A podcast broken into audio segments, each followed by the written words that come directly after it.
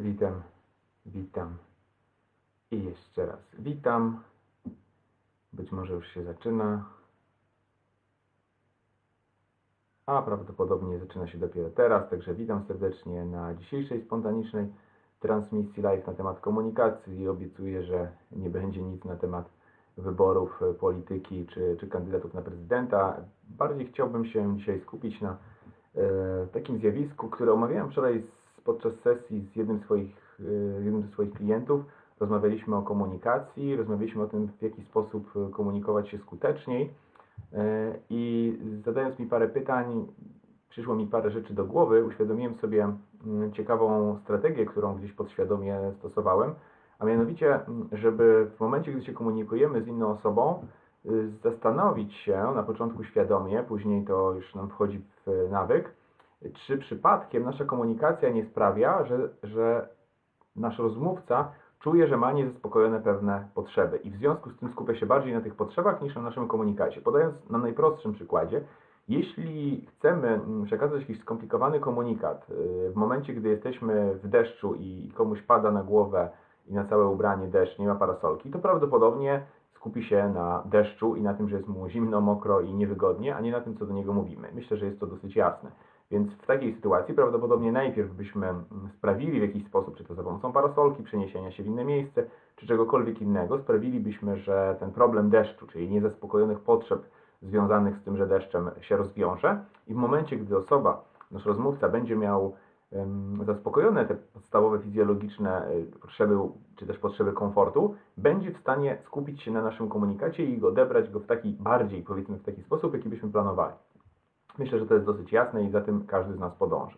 E, I podobnie jest tak naprawdę z wszelkimi innymi potrzebami. Już na nieco trudniejszym przykładzie, ale wciąż dla nas zrozumiałym, jeśli zapraszamy na przykład gości do nas do domu i chcemy, żeby się czuli fajnie i chcemy z nimi porozmawiać, e, to w jakiś sposób automatycznie dbamy o ich potrzeby e, również fizjologiczne. Wskazujemy im, gdzie jest łazienka, mówimy im, gdzie mogą usiąść, dajemy być może coś do jedzenia, proponujemy herbatę czy, czy wodę. Jeśli temperatura w pomieszczeniu nie jest ok, to na przykład otwieramy okno, czy włączamy klimatyzację, czy włączamy kaloryfer. W każdym razie robimy tak, żeby uwaga naszego rozmówcy nie była rozproszona przez to, że nie, y, że nie ma zaspokojonych y, innych y, swoich potrzeb. Widzę, że tutaj jest dziwny dźwięk, dostaję taki komunikat, ale chyba na ten moment nic z tym nie zrobię.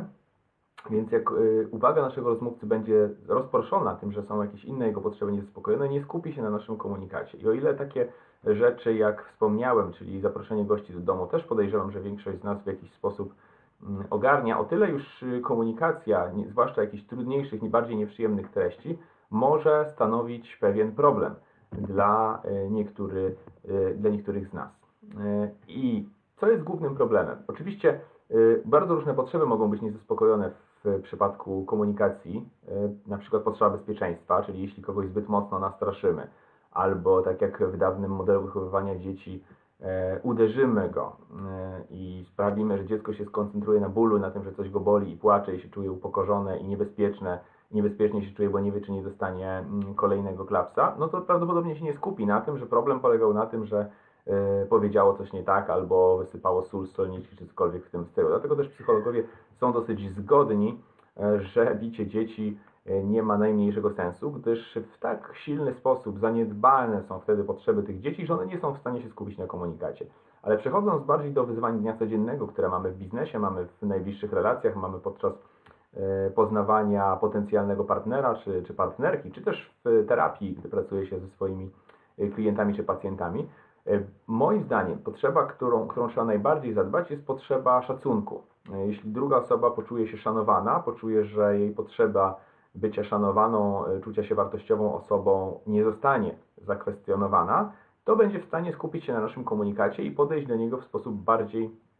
e, bardziej nazwijmy to racjonalny i, i odebrać to, co tak naprawdę chcemy jej powiedzieć. Natomiast bardzo często zdarza się tak, że formułujemy różnego rodzaju komunikaty, y, albo w bardzo taki ostry, bezpośredni sposób, który sprawia, że druga osoba poczuje się zaatakowana, albo w sposób, gdzie w ogóle nie mieliśmy czegoś takiego na myśli,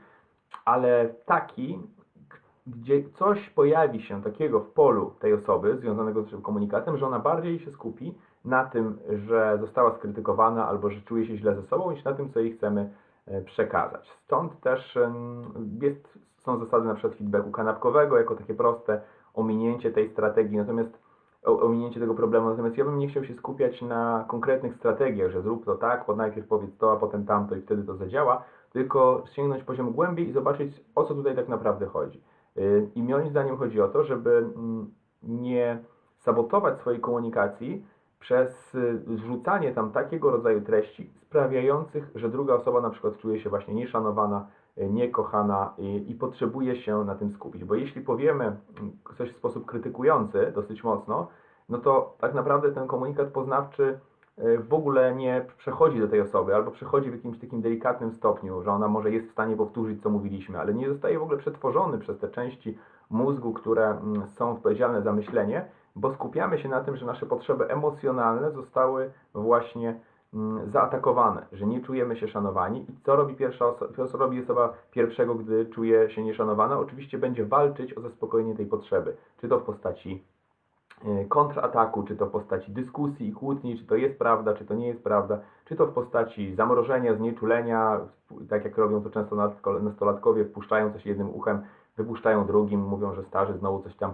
gadali. Mm, Tak naprawdę wszystko, wszystko będzie mm, właśnie w taki sposób rozgrywane, ponieważ e, zaspokojenie swoich potrzeb jest dla nas priorytetem. I podobnie jak e, będziemy mieli problem z zrozumieniem czyjegoś komunikatu i odnoszeniem się do niego w chwili, gdy po prostu musimy iść do toalety i już e, chodzimy w jednym miejscu, bo czekamy aż e, kolejka do toalety się e, zwolni. Podobnie będzie w przypadku, gdy nasz, będziemy nieświadomie w naszym komunikacie zawierać treści, które sprawiają, że inna osoba ma niezaspokojone potrzeby. I to jest na przykład istotne w czasie terapii, gdy konfrontujemy klienta z jakąś treścią, która może być nieprzyjemna, ale sama ta treść może sprawić, e, na przykład zwrócimy uwagę na to, że klient po raz kolejny nie zrobił e, zadania domowego, albo że po raz kolejny zrobił coś innego niż się zobowiązał, czy po raz kolejny na przykład unika e, poroz- rozmawiania o jakimś trudnym uczuciu. I samo to już może wywołać u niektórych osób poczucie, że coś z nimi jest nie tak, że nie czują takiego szacunku do siebie i to nie chodzi o to, że nawet ja ich atakuję, tylko że oni sami mogą się źle poczuć. Więc stosowanie różnego rodzaju łagodzących, takich zmiękczających określeń, chociażby takich, które ja stosuję często pracując z ludźmi, mówiąc, że spokojnie to się zdarza mm, każdemu, albo że to nie jest y, krytyka, tylko po prostu obserwujemy, co się dzieje y, i obserwujemy ten proces, czy też tłumaczenie, że bardzo wiele razy opór sprawia, że nie wykonujemy zadań domowych, więc wcale nie mam pretensji za to, że ktoś go nie wykonał, tylko chcę zbadać, co się tak naprawdę stało. Czyli tak naprawdę y, stosujemy tak zwany pre-pacing, czyli zanim e, osoba nawet może się poczuć krytykowana, to już zaznaczamy, że to wszystko, co tutaj chcemy przekazać, jest ok na poziomie emocjonalnym i ta osoba nie musi walczyć o poczucie własnej wartości, nie musi walczyć o szacunek, nie musi walczyć o uznanie, tylko możemy się po prostu skupić realnie na problemie. I to jest istotne też przy pracy z grupami, czy też w, na przykład w momencie, gdy dajemy feedback swojemu partnerowi w związku, czy też w różnych procesach e, biznesowych, e, czy też oczywiście, gdy, gdy relacja się dopiero zawiązuje i, i poznajemy tę osobę. Bardzo istotne jest pamiętanie o tym, że nasze niektóre zdania mogą sprawić, że ta osoba poczuje się zaatakowana. I jeśli chcemy tą komunikację zmiękczyć i złagodzić, to warto wybiegać krok w przód. Na początku trzeba to oczywiście, jak z każdą nową umiejętnością, robić świadomie i zastanawiać się, co w tym komunikacie może ewentualnie sprawić, że ta osoba się taka, ta- taka, tak poczuje i jak w takim razie się przed tym zabezpieczyć. Oczywiście, jak ze wszystkimi znowu umiejętnościami, po jakimś czasie ta umiejętność wchodzi nam w krew i może być tak, że inne osoby później zwracają uwagę, że wow, że bardzo, bardzo ciekawie e, się tego doświadczało, że rozmawialiśmy o trudnych tematach, ale rozmawiało mi się całkiem komfortowo i mniej więcej z tego też czasami mm, to się bierze. Pytają się potem, jak, jak się to robi i, i taka by była moja odpowiedź, czyli e, dbamy o to, żeby mm, nie przypadkowymi komentarzami nie sprawiać, że jakaś osoba e, ma, mm, walczy o zaspokojenie swoich potrzeb, bo prawdopodobnie skupi się wtedy tylko i wyłącznie na tym, nie będzie w stanie w żaden sposób konstruktywnie wyciągnąć nic z takiego komunikatu. Także życzę wszystkim e,